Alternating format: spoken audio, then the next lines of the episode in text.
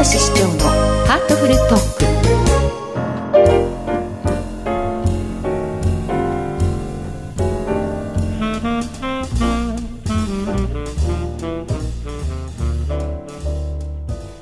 北橋市長のハートフルトーク。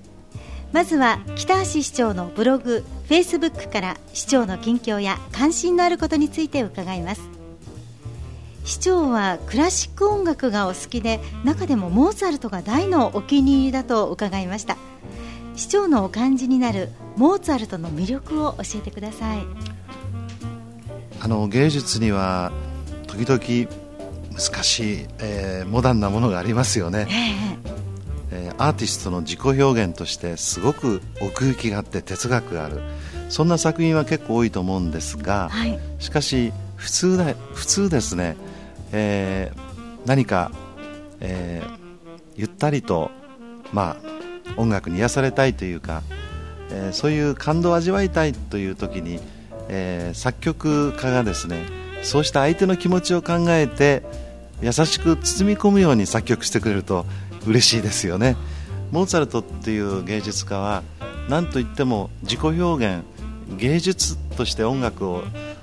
やっているんだけれども、えー聞き手のことを非常によく、えー理解してくれていて音楽で包み込もうとするその優しさがあ全ての作品にありますね。でザルツブールで生まれたアパートを、えー昔、えー見に行ったことがあるんです、ええ。ー35年前。小さな部屋でしてねそこに彼の愛用したピアノが置いてあるんですけれどもね小さな部屋でお父さんお母さん一緒に音楽を楽しんでたんですねでお母さんは非常に明るい方で、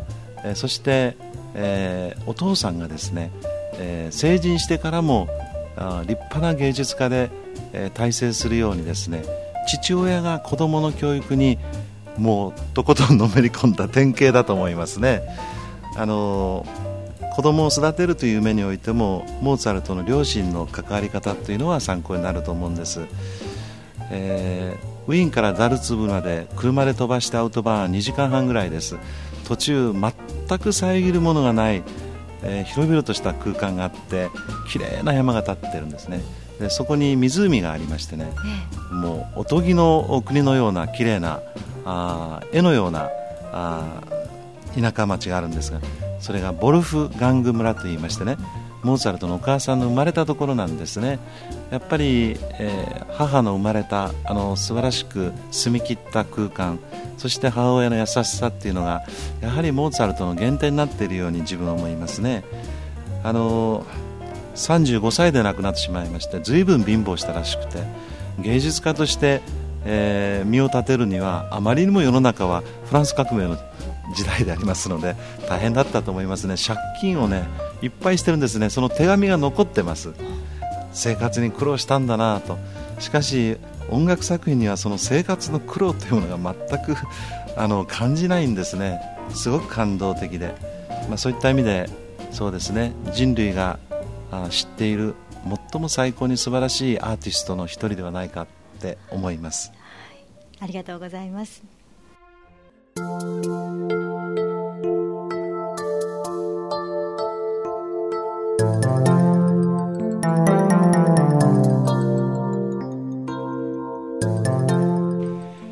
半は北九州エコマンスについて市長にお話を伺います。市長よろしくお願いいたします。よろしくお願いします。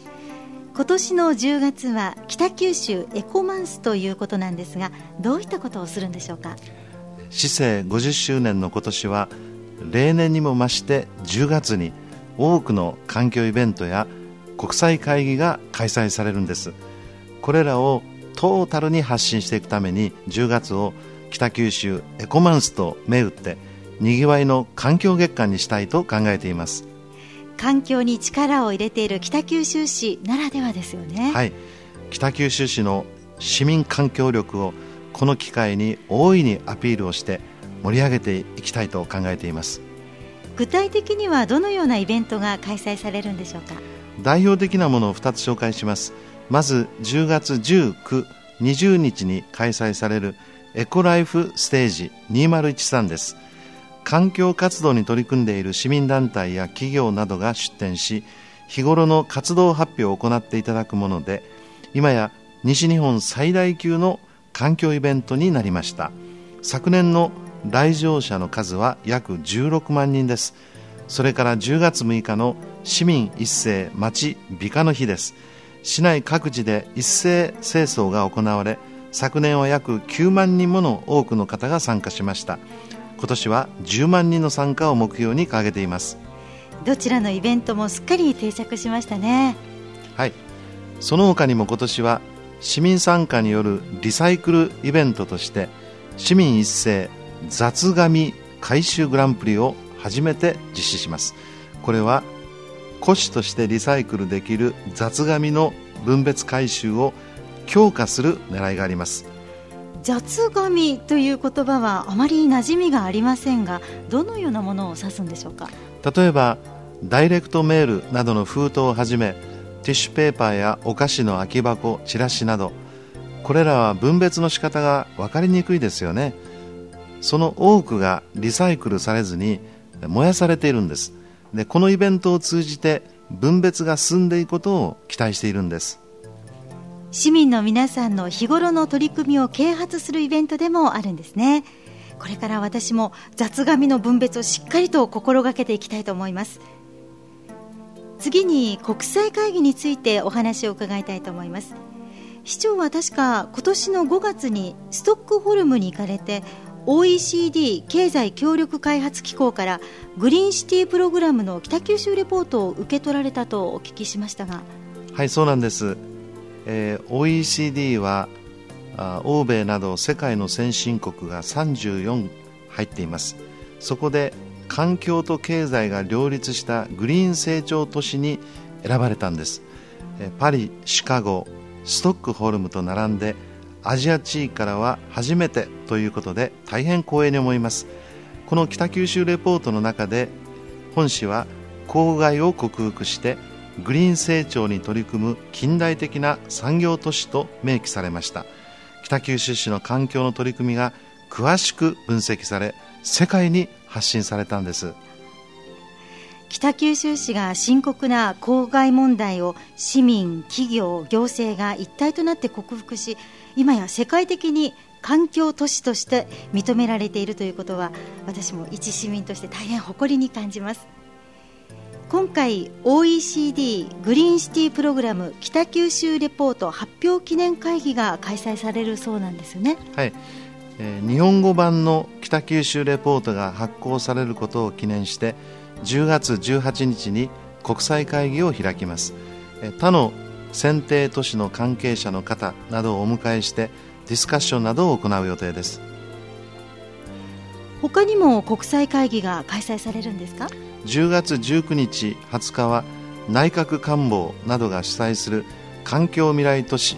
構想推進の国際フォーラムや外務省などによる都市づくりの将来に関する国際会議なども開催されます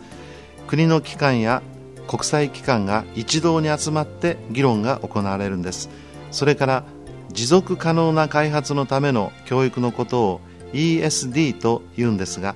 アジア太平洋地域の ESD 関係者が集まって活動の発表や議論などを行う国際会議も10月21日に開催されます。外国からお客様がたくさん来られるこの機会に北九州市の魅力を世界にアピールしたいと考えています。多くの方が北九州市に集い街中が北九州エコマンスでにぎわう。なんだか今から楽しみです。それでは北橋市長最後になりましたがラジオをお聞きの皆さんにメッセージをお願いいたします。はい。来月10月は北九州エコマンスです。私たちにできる身近なエコや先進的な環境の取り組みまでさまざまなことに出会い学び実践できる10月です。ぜひ市民の皆様のご参加をお待ちしています。環境マスコットキャラクターテイタンも期間中いろんな会場に登場しますので皆さんもぜひ会場にお越しください。市長本日はどうもありがとうございました。ありがとうございました